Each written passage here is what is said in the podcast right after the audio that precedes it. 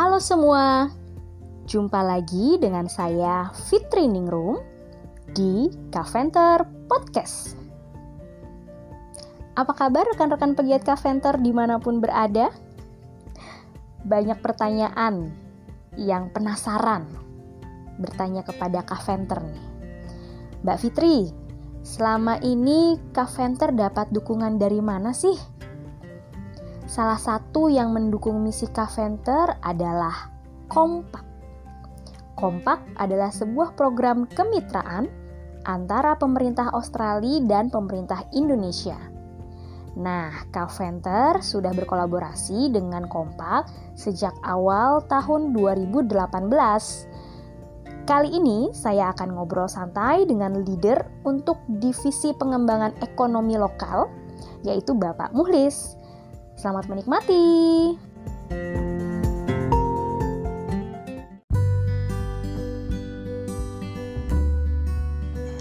Selamat siang Pak Muhlis.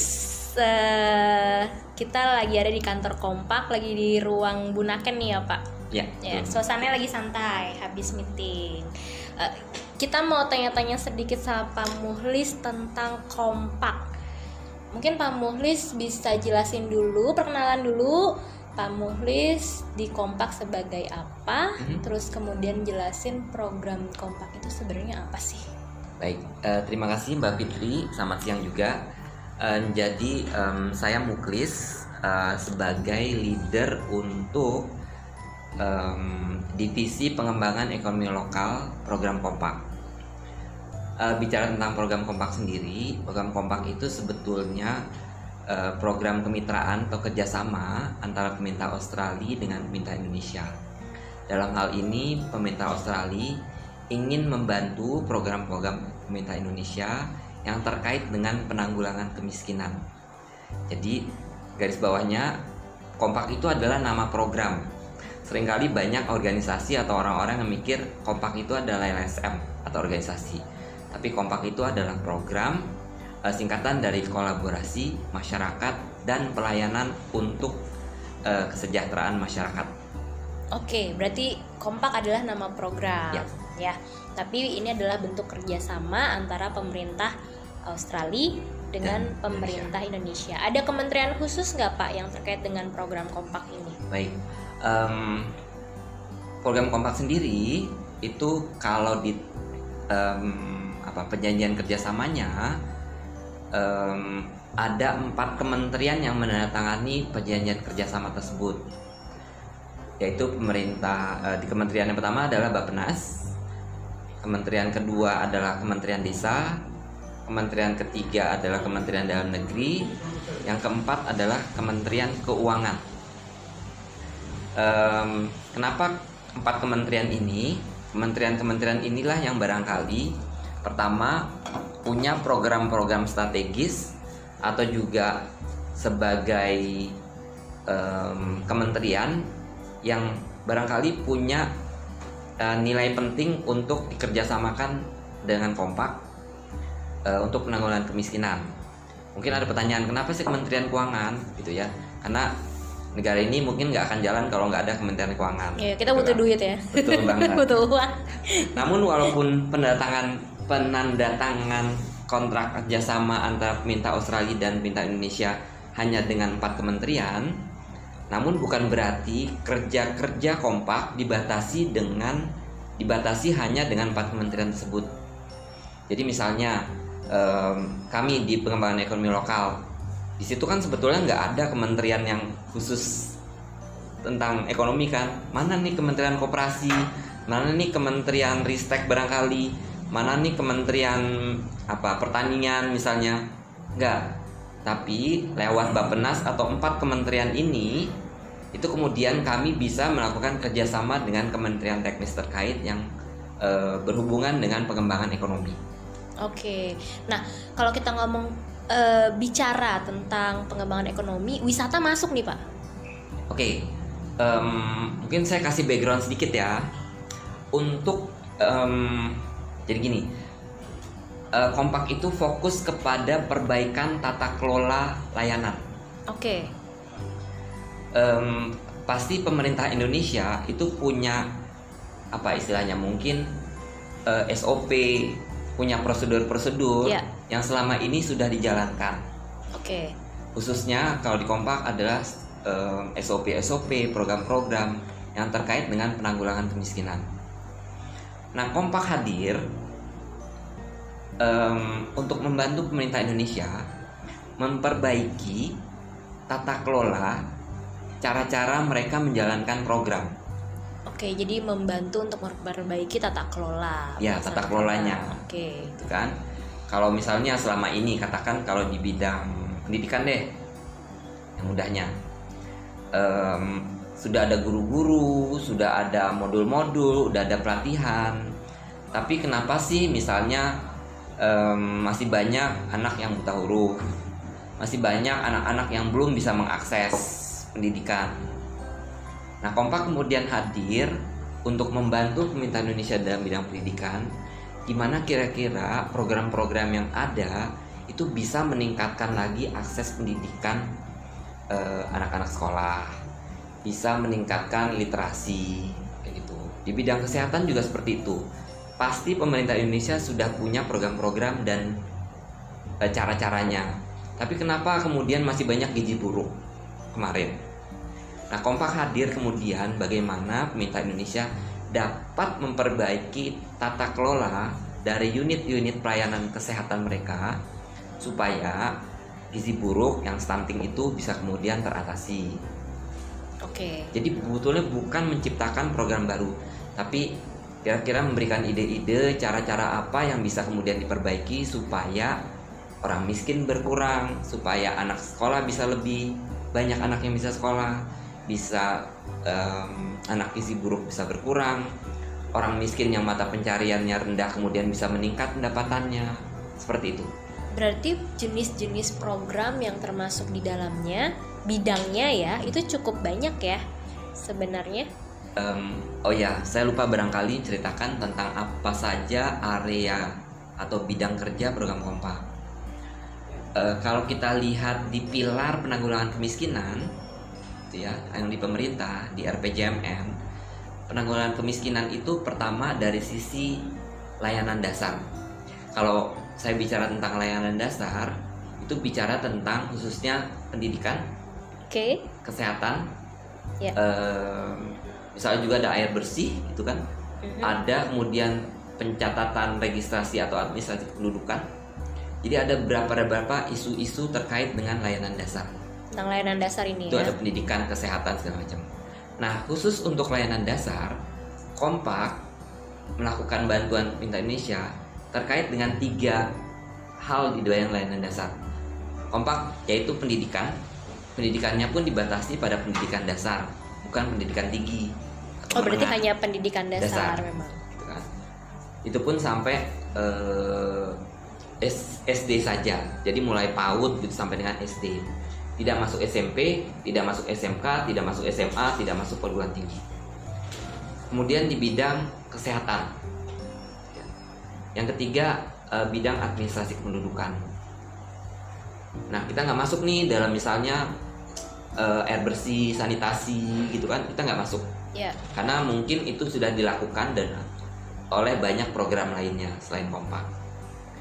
Nah pilar kedua selain layanan dasar, pilar kedua itu adalah jaminan sosial, social okay. protection. Yang kalau di dalam program pemerintah itu biasanya ngasih bantuan-bantuan sosial, bansos-bansos. Kemudian juga kalau Mbak Fitri pernah dengar misalnya program keluarga harapan yang e, digawangi oleh Kementerian Sosial. Mm-hmm. Kompak nggak masuk ke sana. Oke. Okay. Karena sudah ada program pemerintah Australia sendiri yang khusus bantu di social protection di program keluarga harapan tersebut itu udah ada jadi kompak tidak masuk ke sana nah pilar ketiga adalah pilar untuk meningkatkan pendapatan okay. kalau pilar pertama dan kedua tadi layanan dasar social protection itu bertujuan untuk mengurangi beban orang miskin ya karena targetnya untuk pengentasan kemiskinan ya, ya. jadi perbaikan layanan dasar kalau orang miskin kemudian punya akses yang lebih baik terhadap pendidikan, akses yang lebih baik terhadap kesehatan gitu ya. Harapannya adalah kemudian mereka akan lebih sehat, nggak perlu bayar nggak perlu bayar rumah sakit nggak perlu bayar uang sekolah gitu misalnya nggak perlu bayar uang transport gitu misalnya itu kan logikanya. Jadi itu lebih mengurangi beban. Tapi nggak mungkin orang miskin itu terus dikasih. Itu kan kasih ikan terus. Dia harus dikasih justru adalah kailnya dan pengetahuannya. Nah di uh, pilar ketiga inilah yang sebetulnya adalah untuk peningkatan pendapatan jadi peningkatan pendapatan. Pendapatan. Orang miskin itu bisa dibilang sebetulnya mereka punya mata pencaharian. Apa pun itu. Apakah dia sebagai buruh tani atau mungkin casual labor mungkin buruh kasar di konstruksi gitu ya. Ataupun mereka punya lahan juga misalnya tapi uh, jualnya misalnya ke tengkulak. Kalau enggak dia nggak akan makan gitu ya. Pasti ya. dia punya mata pencarian cuma sayangnya mata pencariannya tersebut kurang atau cukup, kurang cukup atau kurang besar untuk memenuhi kebutuhan hidupnya oke okay. nah pemerintah Indonesia sendiri baik itu di pusat artinya di kementerian kementerian terus juga di pemerintah daerah kabupaten kah atau provinsi atau juga mungkin sampai ke level pemerintah desa itu punya program-program ekonomi buat masyarakat miskin. Oke. Pertanyaannya kemudian satu, kenapa masih orang miskin masih banyak? Ya. Apakah yeah. program-program yang dilakukan ini sudah tepat tepat sasaran? Sudah kemudian bisa mengangkat orang miskin ini supaya pendapatan meningkat? Nah, Kompak kemudian hadir untuk membantu pemerintah Indonesia mencari cara baru, kayak lagi kompak adalah perbaikan tata kelola ya, ya. governance ya. Nawarin ke pemerintah Indonesia apakah ada yang bisa dibantu untuk memperbaiki program-program yang sudah ada. Seperti itu. Oke. Nah, kalau dari uh, kebetulan nih kompak termasuk salah satu juga yang uh, bekerja sama dengan Kaventer. Kaventer bekerja sama dengan Kompak. Hmm. Uh, bisa dibilang Kaventer juga didukung lah oleh Kompak untuk meluaskan misinya Kaventer melakukan pembinaan, pengembangan ke komunitas terkait dengan wisata yang harapannya untuk e, menjadi pendapatan-pendapatan baru ya untuk untuk masyarakat atau di destinasi tertentu. Wilayahnya mana saja sih Pak sebenarnya yang e, khususnya ya yang mendapatkan program dari Kompak terkait dengan e, pengembangan ekonomi lokal itu sendiri? Um, kalau wilayah kerja kompak sendiri secara garis besarnya itu ada di tujuh provinsi. Provinsinya itu ada di Aceh Jawa Tengah Jawa Timur Sulawesi Selatan NTB Papua dan Papua Barat. Jadi ada tujuh provinsi. Totalnya memang tujuh ya? Tujuh provinsi. Di dalam provinsi sendiri kita nggak mungkin lah kemudian melakukan kegiatan di semua kabupaten eh di semua ya kabupaten jadi dari tujuh provinsi tersebut kita hanya bekerja di 26 kabupaten. Oh, jadi dari total 7, 7 provinsi, provinsi ada 20 hanya 26 hanya kabupaten. 26. Dan ini tahun 2020 juga 26. Sejak awal cuma 26. Oke. Okay. Ya. E, bandingkan bayangkan jumlah kabupaten Indonesia itu lebih dari 500. Iya. Jadi kompak itu hanya bekerja di 26 kabupaten. Bahkan 2020 ini hanya di 24 kabupaten. Oh, tahun 2020 hanya 20. 24 kabupaten. Ada dua kabupaten yang kemudian kita tidak dukung lagi gitu ya. Oke. Okay. Dari 7 provinsi, 24 kabupaten sekarang kita kemudian bekerja di 311 desa. Oh, 311 desa. Satu kabupaten biasanya kan ada lebih dari 10 desa. Iya. Kita nggak mungkin bermain di 10 desa. Okay. Eh, 10 desa tersebut gitu ya eh satu kecamatan ada 10 desa misalnya. Jadi kita memilih dari desa-desa tersebut kita hanya memilih uh, beberapa desa di dalam satu kabupaten. Oke. Okay. Total kabupaten uh, desa yang daerah kerja kompak itu hanya 311 desa. Ada 311 desa. Ya.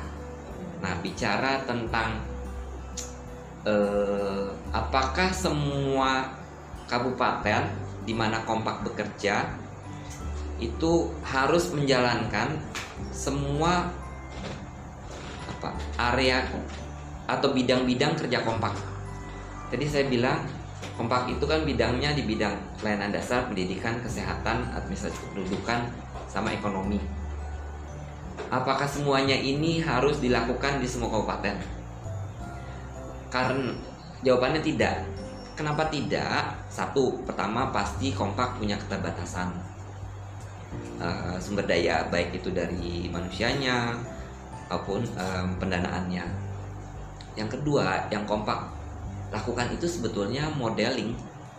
Oh, sebenarnya yang dilakukan adalah modeling. Modeling. Gak mungkin kita melakukan intervensi ke semua kan.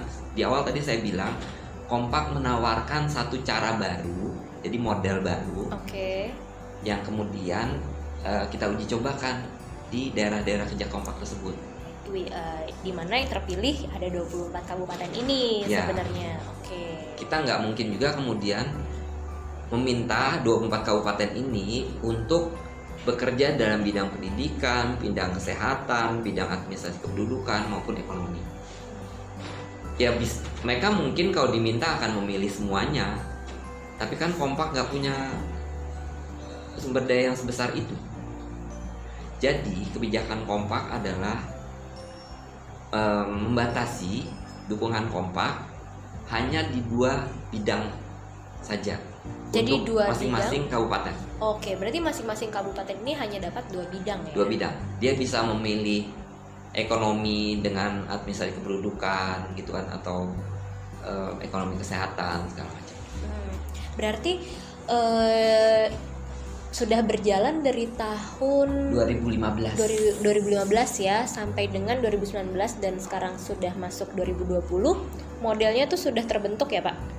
Modelnya Secara ya sudah terbentuk. Ya, nah, tandanya kalau ini jadi modeling seharusnya harapannya berarti suatu hari bisa dilaksanakan lagi uh, di tempat lain gitu ya, Pak. Hmm. Kabupaten lain bisa menjalankan sendiri. Oke. Okay. Kalau mengikuti model ini atau bagaimana? Oke. Okay.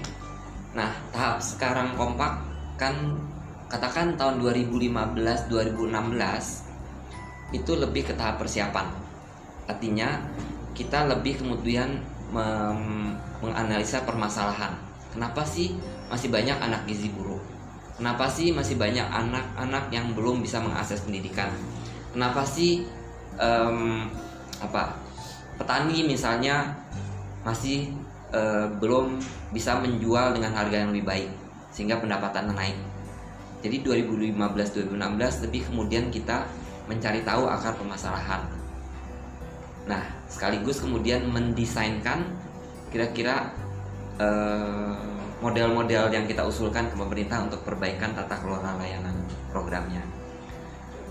Nah, jadi di tahun 2017-2018 termasuk juga 2019 barangkali adalah satu melakukan desain model tersebut kita tawarkan, kita diskusikan kalau disetujui oleh pemerintah Indonesia maupun kabupaten itu kemudian uji cobanya dilakukan ya 2017, 2018, 2019.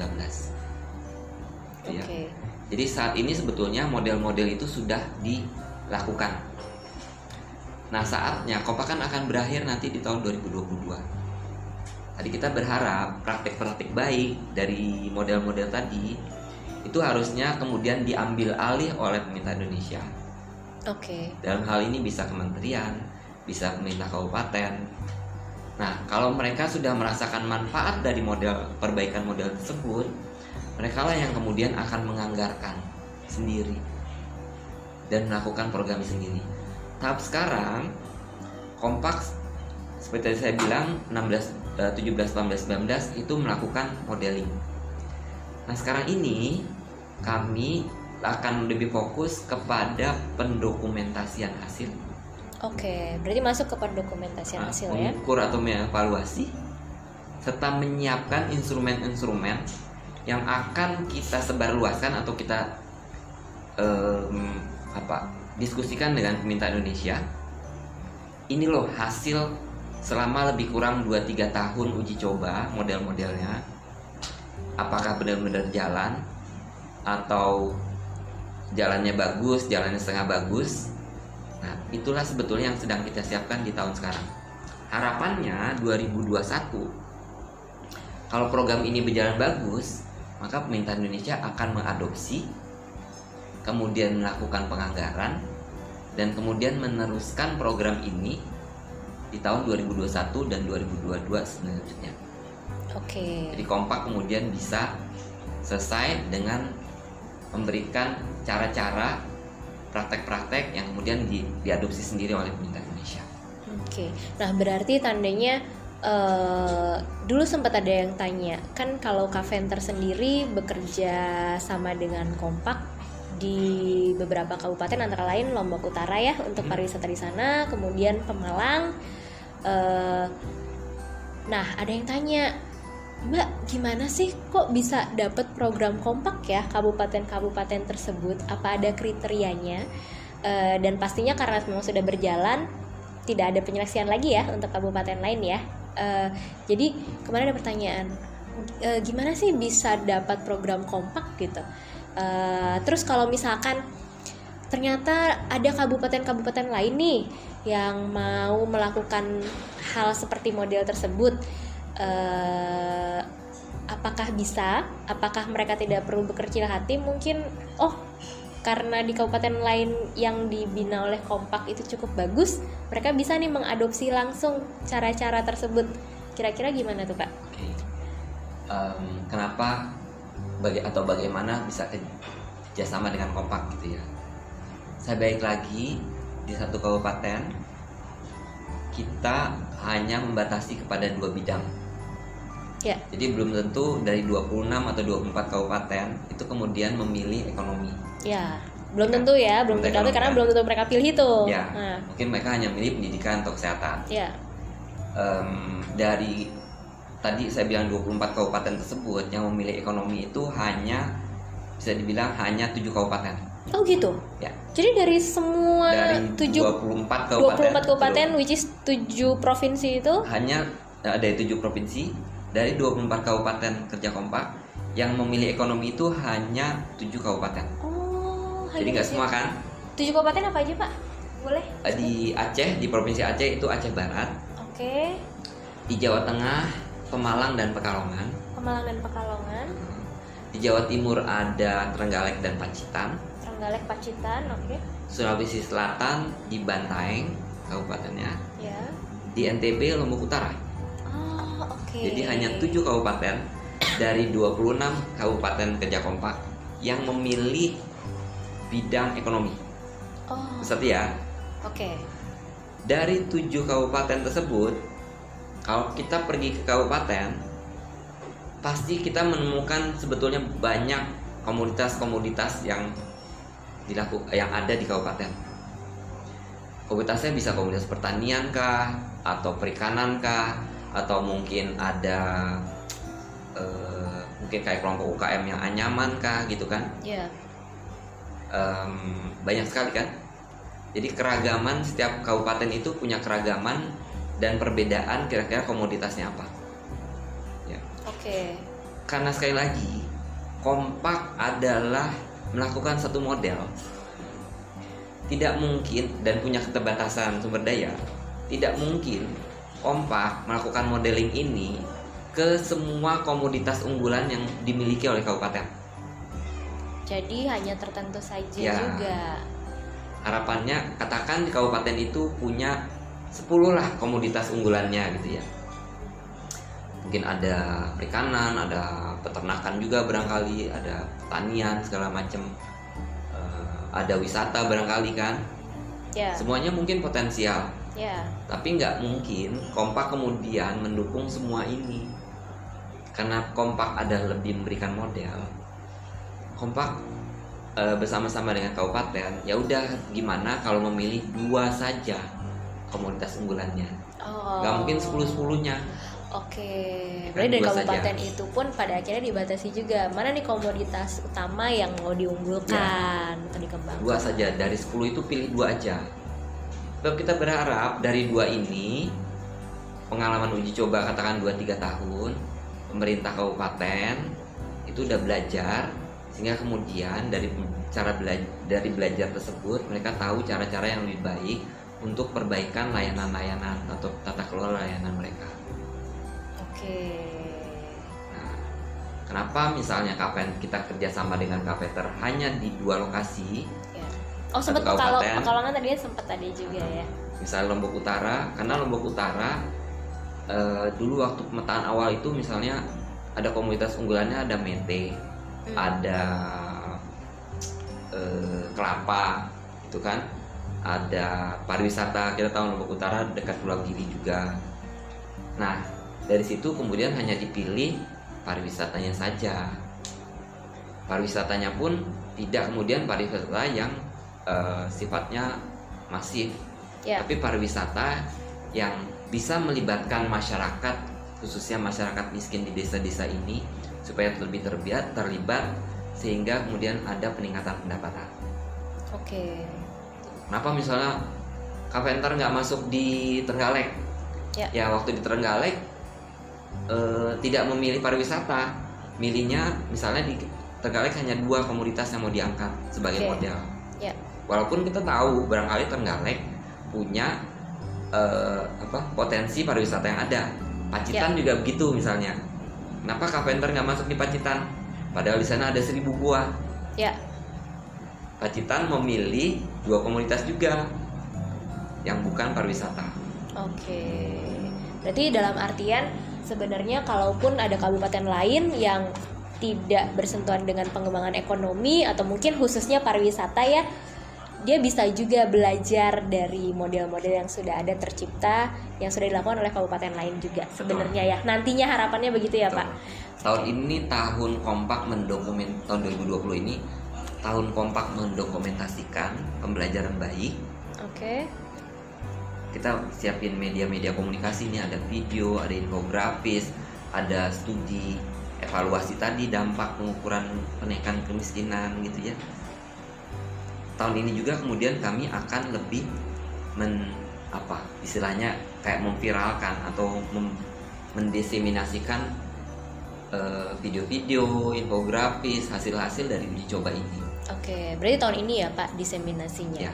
Nah, eh, kalau ada rekan-rekan kabupaten atau komunitas lain atau pegiat-pegiat lain nih ingin tahu tentang hasil dokumentasi itu atau diseminasi itu, kira-kira bisa melihat ke mana atau mengakses eh, media apa Pak nantinya? Em, semua kajian-kajian dan juga barangkali materi-materi komunikasi kami itu em, dipost atau disimpan di website kami Oke. www.kompak.org.id.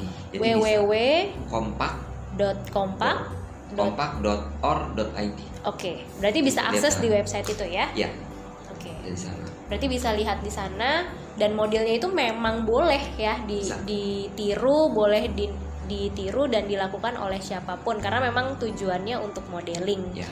Eh, dan untuk kebaikan eh, apa perbaikan pelayanan eh, di Indonesia juga ya. Yes. Oke, terakhir Pak eh, pesan. Ya, Selalu ada nih, selalu ada pesan-pesan. Pesan, pesan untuk eh, karena Kaventer ini terkait dengan eh, budaya, eh, seni, pengembangan komunitas dan ekowisata ya. Mm. Eh, pesannya khusus deh untuk pegiat-pegiat wisata atau komunitas ini baik entah di bagian pemerintahan atau komunitas atau desa sendiri kira-kira apa nih Pak? Em, sebetulnya saya juga bisa membalik pertanyaan itu. Kalau dari segi pemerintahnya sendiri gitu ya karena baik lagi kompak itu adalah perbaikan tata kelola layanan pemerintah. Ya, kalau di bidang ekonomi misalnya ketika kabupaten kemudian punya potensi wisata em, yang tadi model yang kita kembangkan itu adalah wisata ini harus berorientasi kepada pasarnya. Oke. Nah, eh, berarti eh, peran harusnya barangkali dari sisi kompak nih ya, em, kompak akan mempromosikan seperti yang tadi saya sebutkan. Eh, harusnya pemerintah itu bekerja sama dengan ya seperti kalau misalnya dia melihat ada potensi wisata, kira-kira siapa pihak yang bisa diajak kerjasama, pihak swasta yang bisa diajak kerjasama untuk meningkatkan kepariwisataan di daerahnya. Oke. Jadi kalau kemudian saya uh, balik ke pertanyaan Mbak Fitri tadi, pesan terhadap teman-teman kayak tour operator, carpenter segala macam, sebetulnya demand um, kebutuhan dalam hal ini pemerintah baik itu di level desa maupun level kabupaten katakan dinas pariwisatanya kebutuhan untuk teman-teman tour operator membantu pemerintah desa dinas pariwisata supaya mereka bisa kemudian memperbaiki program-program pariwisatanya itu sebetulnya sangat tinggi. Oke. Okay. Kadang kan kita lihat dengan membuat satu spot selfie aja di belakang dengan latar belakang gunung ataupun bukit gitu ataupun uh, apa jurang misalnya itu bisa menjual. Gak mungkin pemerintah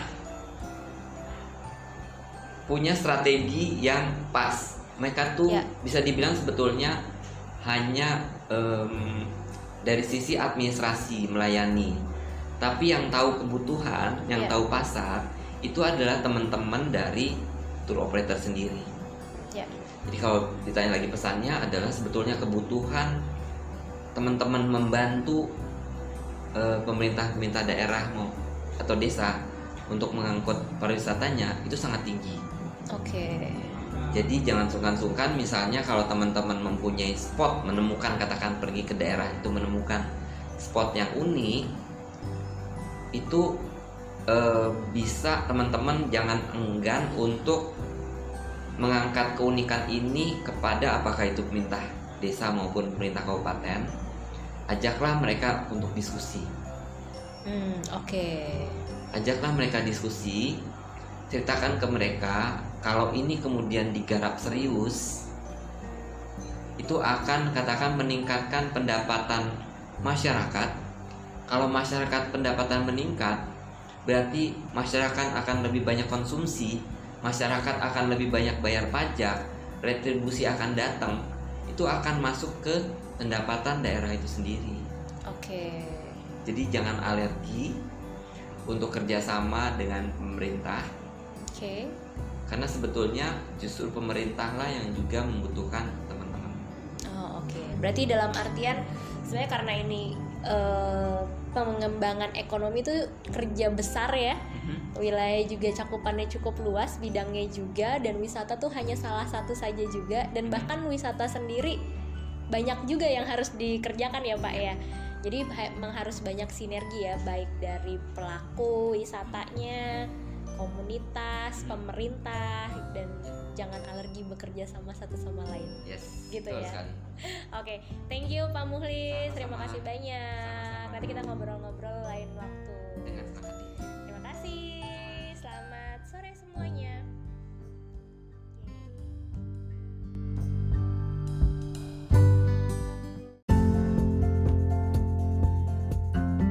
Nah, itu dia obrolan singkat Kaventer dengan Pak Muhlis, leader untuk pengembangan ekonomi lokal program Kompak. Semoga bisa menambah wawasan rekan-rekan pegiat Kaventer. Bagi yang ingin mengetahui berbagai macam program Kompak, bisa dilihat di www.kompak.org.id. Terima kasih sudah mendengarkan podcast Kaventer kali ini nantikan episode-episode Kaventer selanjutnya. Jika ada rekan-rekan pegiat Kaventer yang ingin bertanya atau memberikan usulan tentang bahasan atau topik apa yang menarik untuk podcast selanjutnya, boleh mengirimkan pertanyaan atau usulannya ke email yang tertera di deskripsi atau nomor WhatsApp admin tertera di deskripsi. Sekali lagi terima kasih dan semangat terus para pegiat Kaventer di mana pun berada. thank you